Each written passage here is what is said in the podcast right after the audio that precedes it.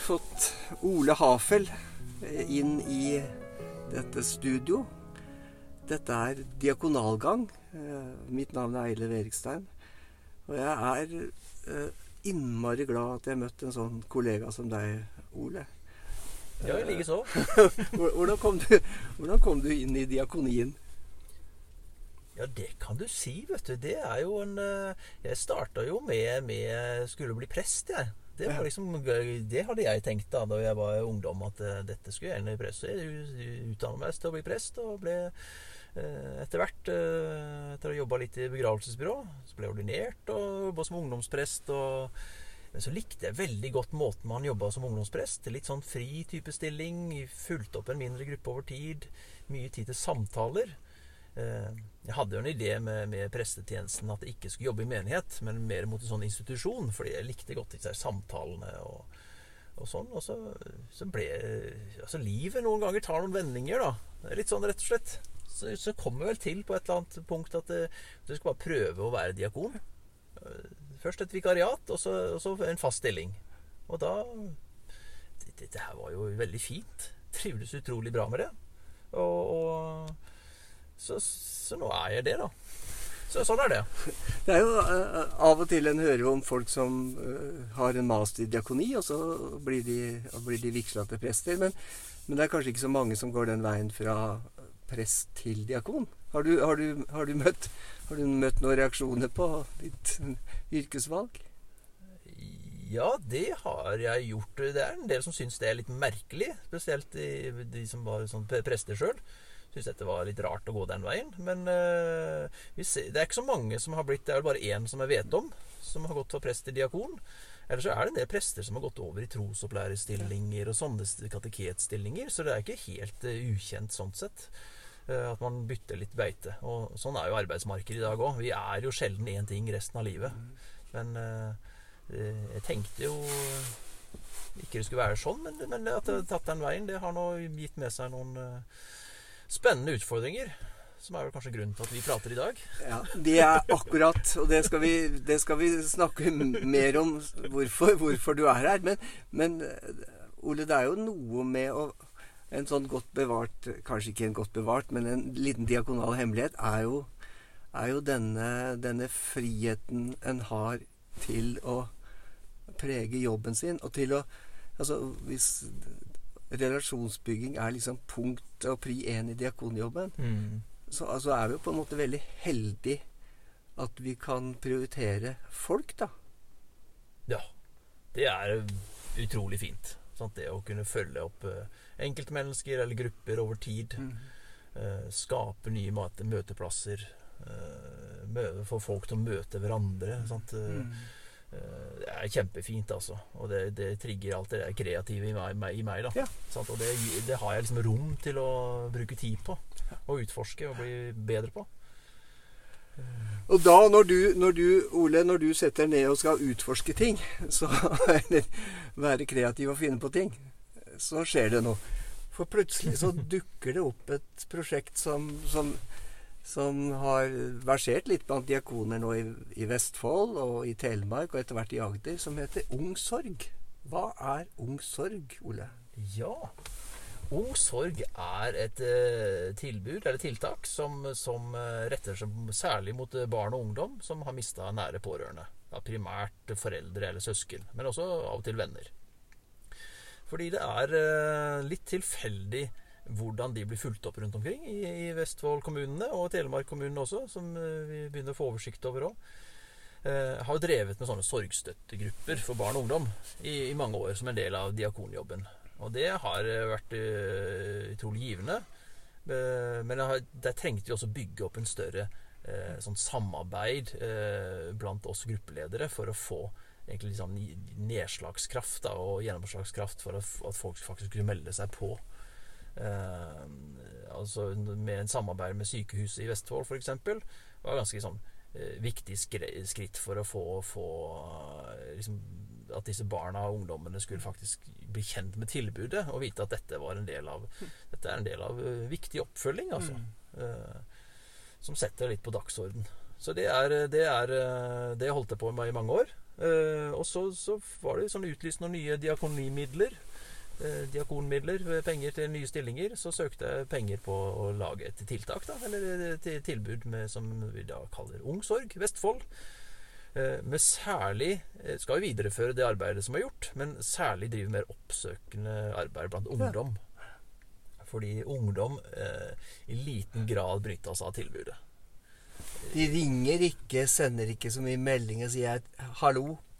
Jeg er ungdom, jeg har mista mamma, jeg trenger noe. Det er veldig få som gjør det. Altså. Det, er, det er noen. Ja. Noe en og annen, men det er veldig sånn en og annen. Ja, de fleste vil jo ikke tenke at dette er det ikke rom for å snakke om, fordi de er opptatt med skole. De trenger å ha gode karakterer. De vil gjerne sosial sosiale med venner. Spille fotball, håndball. Eh, det er jo ikke plass til at de må, de må sånn, sørge. Eh, enten det er kort eller lengre tid siden. Og det er jo på grunn ingen som etter noen måneder, eller veldig få, om noen, som spør liksom hvordan går det nå, liksom. Sant? Hvordan sover du om natta? Liksom, sant? Får du fulgt med på skolen? Ja. Og da konkluderer jo de i sitt stille sinn at dette er det jo ikke plass til. Dette er antagelig ikke et tema man skal snakke om. Så det får jeg bare pakke inn eh, inni sjela mi et eller annet sted, og la det få bli der. Kanskje det blir borte for alltid. Kanskje. Ole, jeg møter jo noe jeg holdt på å si, i min egen praksis når du sier disse spørsmåla. For jeg tar meg jo i å si til ungdom øh, hvordan går det med deg, enda til øh, går det bra med deg? Og, og da får en jo ofte sånn ja, ja, det går greit, liksom. Ja. Men, men når du vinkler sånn, du, du ser på litt andre faktorer. Ja. Har de plass til lekser? Altså, får de gjort skolearbeidet sitt? Sover de om natta? Ja, for det er jo et vanskelig spørsmål. Sant? Går det bra med deg? Sant? Eller noen får et spørsmål som bare ta kontakt hvis det er noe. Sier, sier lærerne. Så velment og, og, og helsesykepleier kan si sånn. Og det er bra. Da vet de at det fins noe, men de, de vil jo sannsynligvis ikke ta kontakt. Nei. For det er så udefinert hva de egentlig går og bærer på. Og det er ikke så lett å vite hvor mye energi det faktisk tar av deg på, på å holde ting liksom litt sånn under kontroll. da. Så derfor blir jeg sånn uh, mye sånn obs på disse spørsmålene må være Hvis du faktisk spør om det du faktisk lurer på. At er, det, er det en lærer som lurer på om du får gjort leksene, så må du spørre om det, da.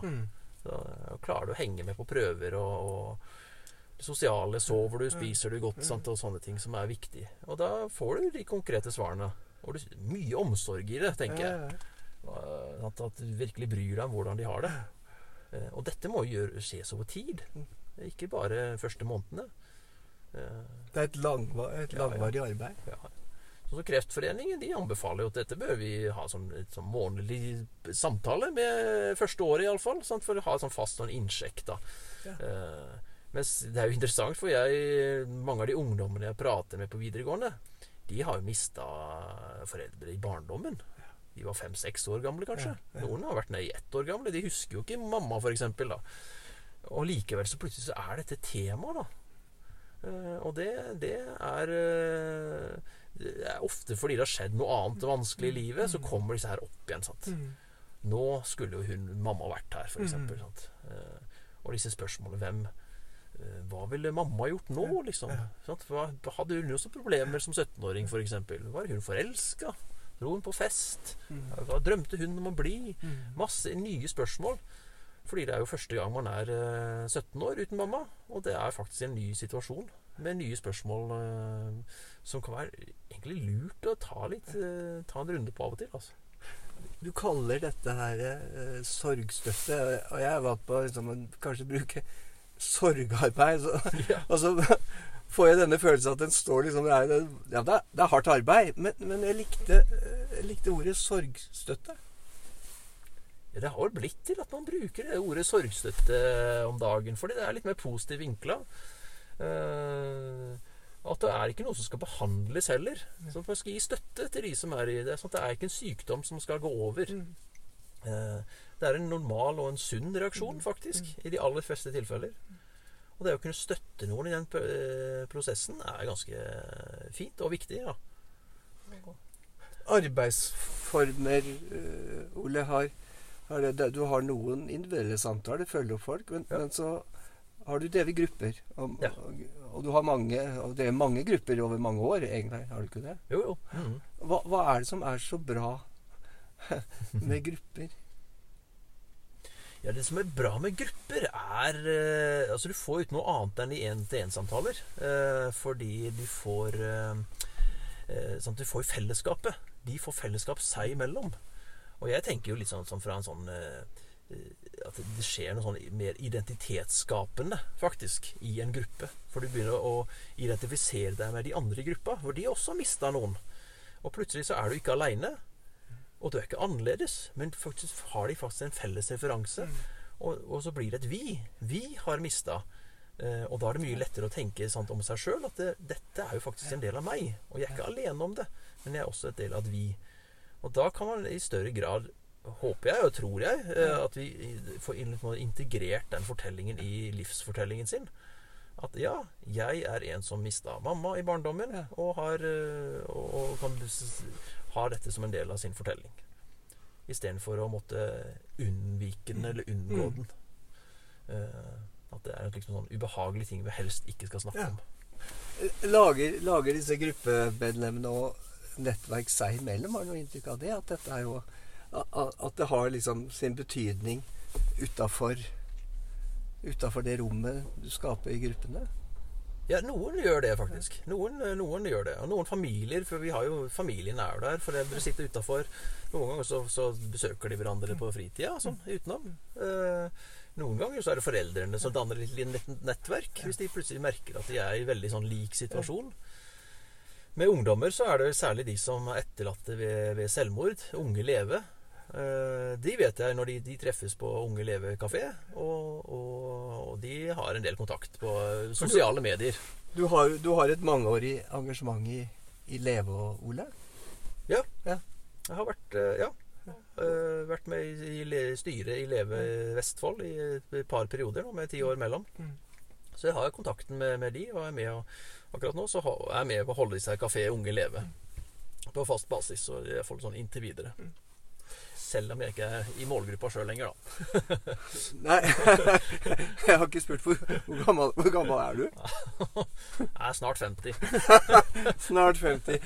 Ja, ja, men livserfaring, Ole. eh, Hva, hva er, er det noe i ditt eget liv som gjør at du brenner så for, å, for sorgstøtte? Ja, det er det jo. Og det er nok noen etter jeg starta med det, at jeg har fått litt mer tak på det, kan du si. Eh, for det, det, det er nok en sånn med oppveksten min. For jeg har, eh, da jeg var baby, så mista jeg en bror i en drukningsulykke. Som ikke jeg husker sjøl.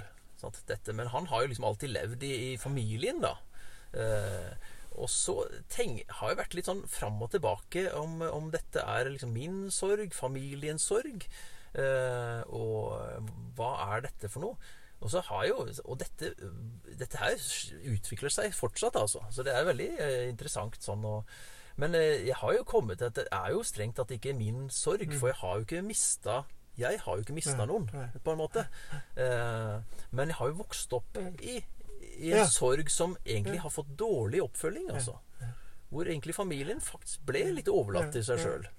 Og, og, og vi, vi vokste opp, og, jeg vokste opp sånn, med en mor som fikk lite hjelp. Altså, fra, som egentlig sleit mye med både det og andre ting. Som, som, som gjorde at det har gjort noe med dynamikken, og at eh, dette må jeg for, forholde meg til. Eh, og så er det jo ikke så har jeg funnet vel ut i voksentida at det, egentlig så er det greit å stå i det. Så lenge jeg har sånn kontroll på min egen fortelling. Så, så dette kan jeg stå i og forholde meg til andres eh, sorg og smerte. Og, og den er ikke nødvendigvis min. Og det er den som regel ikke min. Nei. Men det er jo sånn at min historie ligger på ett sted, så ligger deres historie. Så, så jeg er veldig opptatt av at eh, vi må ha kontroll på vår egen historie, Mm. vi som jobber med dette her. eh, for at vi ikke skal blande inn. For det skjer jo, da. Mm. Og det avsløres først og fremst ved at det, hvem er det du tar med deg hjem i tankene Mm. av de du møter. Mm. Når du begynner sånn å tenke på ofte er jeg så bekymra for den Ja. ene familien. Det handler som regel om meg, og ikke om dem. Og det er veldig nyttig å, å, å eh, reflektere over, altså. Å ha kontroll på sin egen fortelling. Gå til veiledning. Sant? Det bør man gjøre, altså. Eh, Når man jobber tett på folk og i disse krisene. Da kan man stå i det over tid. Mm. Hvis ikke så begynner man å blande inn sitt eget, Ja. og begynner å sånn bearbeide sitt eget samtidig og røre det sammen. Og, eh, Ja, man kan bli utbrent, og jeg tror det, av og til så tråkker man over det uetiske. sant? Fordi man be, be, beha- bearbeider sin egen fortelling uh, i dette her. Og det skal man prøve å unngå. Jeg syns jo dette er Det er veldig spennende. Altså, hvordan disse traumene våre og er liksom litt sånn generasjonstraumer. At, Ja. at noe en eller annen har mista i en eller annen generasjon, drar en med seg videre. Og, og, og hva det koster av Hva det koster av eh, Håper å si tid og penger, men, men psykiske ting. Og en del av dette prosjektet Ung Sorg Altså grupper er noe. Ja. Men så har dere kommet opp med hvordan videreutvikle. Hva er liksom Hva er den planen dere jobber med i Ung Sorg eh, nå i forhold til undervisning og, og Ja, for vi vil jo gjerne sant, med, med, Når vi fikk utvidelsen til Ung Sorg Telemark, så, så satt vi ned med diakonene der. Hva ønsker vi å tilby, og hva kan vi tilby sånn utover hva vi har kapasitet til? Og tenkte at vi, vi skal iallfall gi kunnskap om disse sor sorgprosessene. Mm. Hvordan, hva, hva sorg er, og hva man kan forvente av hvordan reagerer jeg med tanker, med kroppen min, eh, atferd, eh, følelser. Eh, hva er normalt, og hva bør jeg søke hjelp til. Så vi, sånn, vi tenkte at vi får opp kunnskapen, setter det på dagsorden i forhold til elever. Og, og tenker da et undervisningsopplegg for alle førsteklassene i videregående, Ja. i videregående skolen. Ja.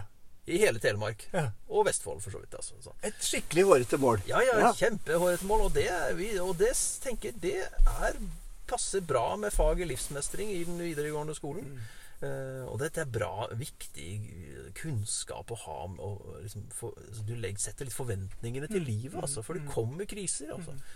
De kommer, Om du ikke har mista noen nå, så vil gjøre det.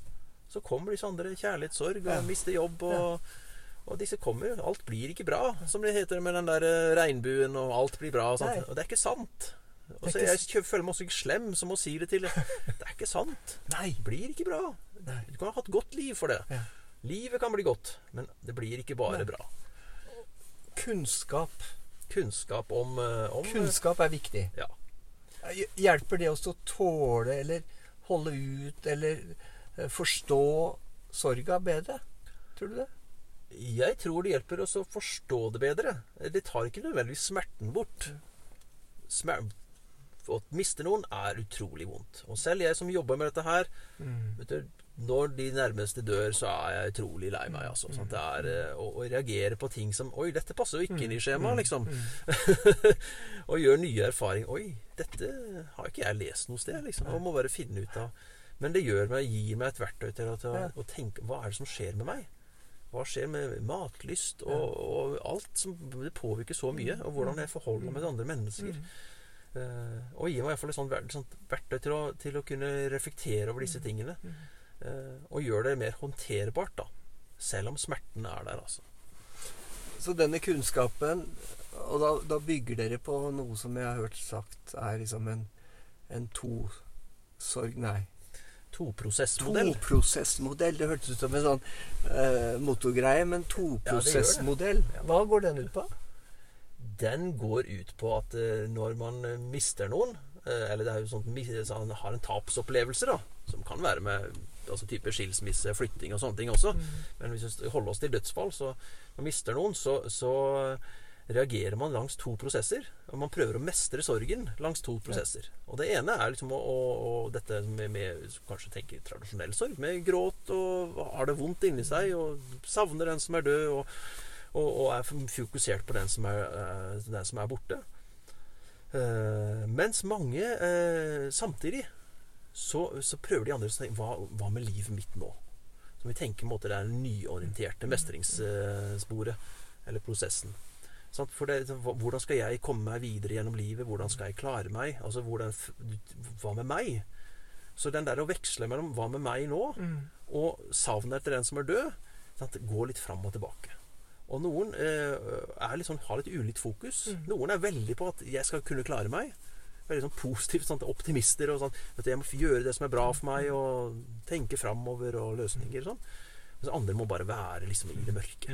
Og savne og sånt. Bare være der en stund. Og ingenting er feil av å være det ene eller andre stedet. Men på sikt så bør man finne en slags veksling. Da. At man må kunne savne den som er død. Være lei seg. Men så må man også kunne gå ut av det. Så jeg må ta vare på meg sjøl og mine som er der nå. Eh, Og det å finne en slags balanse i dette her, det er nok det som er vi tenker er veien til en god sånn eh, skal vi kalle det tilheling i sorgen. Hvor du måtte integrere tapet i livet ditt. Og der må det faktisk være rom for fortsatt smerte. Så det er ikke noe mål at det, det, man skal glemme den som er død. For den er viktig. Kjempeviktig. Og spesielt sant, i forhold til barn og ungdom. Vi skal ikke glemme mamma, altså. Fortellingen om mamma fortsetter. Selv om mamma er død. sant? Så den skal vi, vi skal fortsatt lære noe om hvem mamma var. Så den må vi ha med oss, tenker jeg, da. Eh, samtidig så må også fokus på mitt liv. Så det å finne en slags balanse, den vil forskyve seg litt gjennom livet. Eh, etter hvordan man har det. Og noen er mer melankolsk innstilt og er liksom litt sånn målstemte mennesker. Andre er mer optimistiske og lette til sinns. Sånn, og så hva som er riktig for enhver, må en liksom finne, finne ut av. Og innse at dette her vil nok alltid forandre seg litt gjennom livet. Prosjektet går rett og slett ut på at en vil gjennom de lokale diakonene Ja. tilby et undervisningsopplegg. Ja. Eh, Er det sånn to ganger 45, eller altså ei økt, på en måte? Ja, det er iallfall basert på en sånn økt i videregående skole. Uh, med sånn to ganger 45 minutter. Ja, sånn. Det er uh, med samtaler og gruppeoppgaver. Og, som også kan lett brukes i andre sammenhenger. Sant? Fra ungdomsskole, barneskole,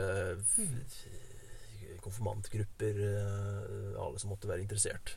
Passer også fint til voksen. Skal du ha voksengrupper, så har du det litt, litt i, inne, så, så har du et ressurs å ta av. altså. For kunnskap om sorg, det trenger alle generasjoner. altså. Jeg syns jo egentlig så er det interessant at eh, i denne koronatida, disse siste to åra, så En stund så tenkte jeg nei, men det med grupper er vanskelig å få til. Og så syns jeg nå at i koronatida så har det vært egentlig et større behov for å møtes med, i sorggrupper. Ja. Eller i sorgstøtte. Fordi at plutselig så har en mista noen av de andre arenaene for, for å, å, å, å, samtale. Mm. En er kanskje blitt litt sånn mer ensom, og en har ikke hatt noen Det er vanskelig å komme på døra. Nei, vi kan ikke gå på døra der. Det er covid, og vi har munnbind og alt mulig. Mm. Men, men altså det, Så det der å samtale, dele, Mm. er, jeg tror det er kjempeviktig. Ja. ja, jeg tror også disse, disse få møteplassene vi faktisk har hatt, de har vært enda viktigere enn det har vært før. Og mer bevisst på de, kanskje. Så det, men så har det jo også i koronatida Vi har jo fått til noen digitale grupper òg. Ja, Det her er jo eh, Digitale grupper, Ja, digital funker det? det? Jeg må jo si det funker overraskende bra. ja. Det er, altså Man kan ikke ha så store grupper. Det er liksom maks fem. For det, det, det er noe med taletiden som Man kan ikke prate i munnen på hverandre. Så, og, så, så vi har vel funnet ut at eh, fem er liksom maks. eh, Men der funker det så bra. Og selv om vi aldri har møttes fysisk med i en gruppe som jeg har Jeg Bor i forskjellige deler av landet. Og Ja, fra hele. hele landet. Hele dette er hele landet. Det er egentlig regi av Leve, da. Ja, så, at, så dette her er akkurat den gruppa der. Ja. Så eh, vi har ikke møtes. Kommer sikkert ikke til å møtes fysisk. Um, men det er et eller annet med mediet som likevel I og med at du sitter hjemme hos deg sjøl, så er du i dine trygge omgivelser. Og det skaper en sånn Og så er det en sånn slags sånn avstand i tillegg til skjermen og sånne ting. Så det er, det er både nærhet Du er på et, en trygg avstand også. Så du kan bare skru av. Det vet jo alle. Ja. Så det gjør at faktisk det blir veldig åpent. Veldig fort. Eh, så jeg tror et eller annet med det mediet Så vi, vi er litt sånn, vi som er gruppeledere, vi er liksom overraska noen ganger fortsatt. At du verden så åpenhjertig det er, altså. Her er det liksom ikke noe filter, og det er eh, utrolig fint, altså. Kan en skru av skru folk av bildet òg noen ganger? Hvis det blir for voldsomme følelser? Eller? Nei, de har ikke gjort det, altså. Nei. Men jeg har hørt de som har med ungdomsgrupper, at gruppe, de kan, ungdommer kan gjøre det. Ja. Eller eventuelt de starter uten bilde, og så kommer bildet på etter hvert. Det, det, så det Men, men du kan unmute sånn at du ikke liksom på en måte hører Altså en stille gråt eller sånn. Altså du kan, du kan komme til å miste noe. Ja, du, selv om vi har egentlig ikke opplevd at Nei. noen har liksom skrudd av for det har blitt for, for, for sterkt for dem. de kan på en måte si det der og da, fordi det, de vet at eh, hvis de skrur av nå, så trenger de ikke å logge på neste gang. Nei. Men så har de jo alltid kommet tilbake. Eh, Ja. så mm, Så det egentlig så er det egentlig et undervurdert medie som jeg tenkte jeg skal utforske mer av. For det, er i et, et land som Norge med avstander, så, så, så er dette her et mye bedre tilbud enn ingenting. Eh, eh, og et fascinerende sånn følelse av fellesskap likevel. Det, det må jeg si er eh, Ja. veldig fint å oppleve, altså. Så, men det er, man, man lærer noe. Det er noen begrensninger. Og, og selvfølgelig er man bekymra for eh, det er klart hvis, det, hvis, hvis, man trigger noe som er vanskelig, Mm. som man kan gjøre i en sorggruppe. Vi er, at, Så er vi viktig at vi som er gruppeledere, vet at det er noen hjemme der. Og hvis vi blir bekymra, kan vi ringe noen som kan stikke innom og sjekke. Altså det, vi må ha et sikkerhetsnett der de bor. For ellers så blir det fullstendig uansvarlig, liksom. Eh, For klart det er eh, Det er noen tøffe ting vi, vi er innom, altså. Eh, Og, sorgstøttearbeid er jo et, er jo et sånt fag, opplever jeg du formidler, Ole. Det er jo liksom et viktig at en, et, en, har, en har liksom peiling.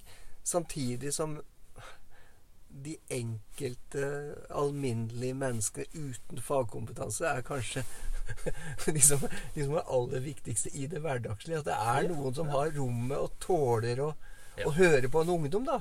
Ja. Som er lei seg, eller våger å spørre eh, noe litt mer enn 'Går det bra?' liksom.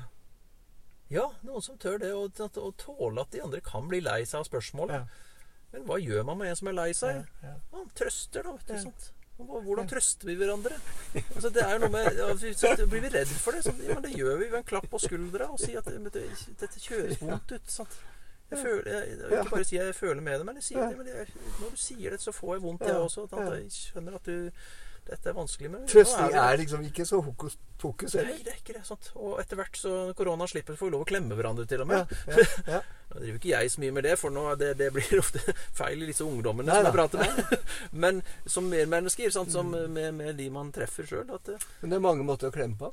Ja, ja, ja. Det er vel liksom leite fram de måtene å klemme på. Ole, eh, en av de tinga som skal liksom Ung sorg og, og det undervisningsopplegget og sånn, det håper vi på en måte blir realisert, og at en får testa litt ut. Det er iallfall en del diakoner som er veldig klare til å begynne det arbeidet. Eh, En, en ting som, som jeg har vært med deg om, er vi har hatt en sånn vandring for etterlatte menn etter sjølmord. Og, og jeg satt og tenkte på det da jeg så deg i dag, og at altså, dette som skjer når, når vi er i ei gruppe, når vi går sammen, når vi blir åpne altså denne her, hvor, hvor fort hvor, hvor fort den kommer i en slags sånn modus av åpenhet, da. Ja. Og det syns jeg er fascinerende. Det er ganske fascinerende, altså. Og det skjer kanskje spesielt når vi går på tur sånn. På tur. For da har vi litt, litt sånn eh, Vi er fremmede for hverandre, men vi vet hvorfor vi er der. Ja. Og så går vi på tur, og idet vi har et felles mål og beveger oss felles, så, så blir vi plutselig en gjeng veldig fort. Ja, Ja, for Vi er plutselig en gjeng kamerater på tur. Selv om vi egentlig er helt fremmede for hverandre. Og den kommer når vi sitter sånn rundt et bord, så den, tar det litt lengre tid, syns jeg, før man får den opplevelsen. Så Men kanskje det kameratskapet, eller en gjeng sammen på tur, eller hvor det ikke er så farlig å eventuelt dumme seg ut, eller si ting som er leit, at det er ingenting som er så farlig, at, at, at det er en viktig sånn i helbredelsesprosessen at den blir akseptert. Eh, I vårt eh, kirkelige språk ville kanskje kalt det nåde. Altså Det er et slags sånn nådeøyeblikk av noe opplevd, eh, tatt imot, bekrefta, sett. ja. Det, ja. Kanskje det sorggruppene, sorgstøttearbeidet Kanskje du skaper disse nådige øyeblikkene, Ole. Det liker jeg å tenke, da. Ja, men Det er en fin tanke. Det, det er en fin tanke. Og der sier nåde er ikke sant, de forløsende, gode ordene Nei. og de geniale formuleringene som vi aller helst vil si. Sant, Ja, som, ja, som det, sant, men faktisk at vi bare har tid til å være sammen. Være sammen. Og vi står sammen. Og så fortell- forteller du litt, og så hører jeg på. Og så er vi sammen. Det er, det er noen som orker å være her hos meg når jeg har vondt. Det er, det er jo nåde, det. Det er altså. nåde. Det er nåde. Ole Hafel, jeg har bare lyst til å takke deg for denne praten her. For dette lille nådige øyeblikk å snakke om sorgstøttearbeidet står. Og alt godt videre. Tusen takk. Takk for praten.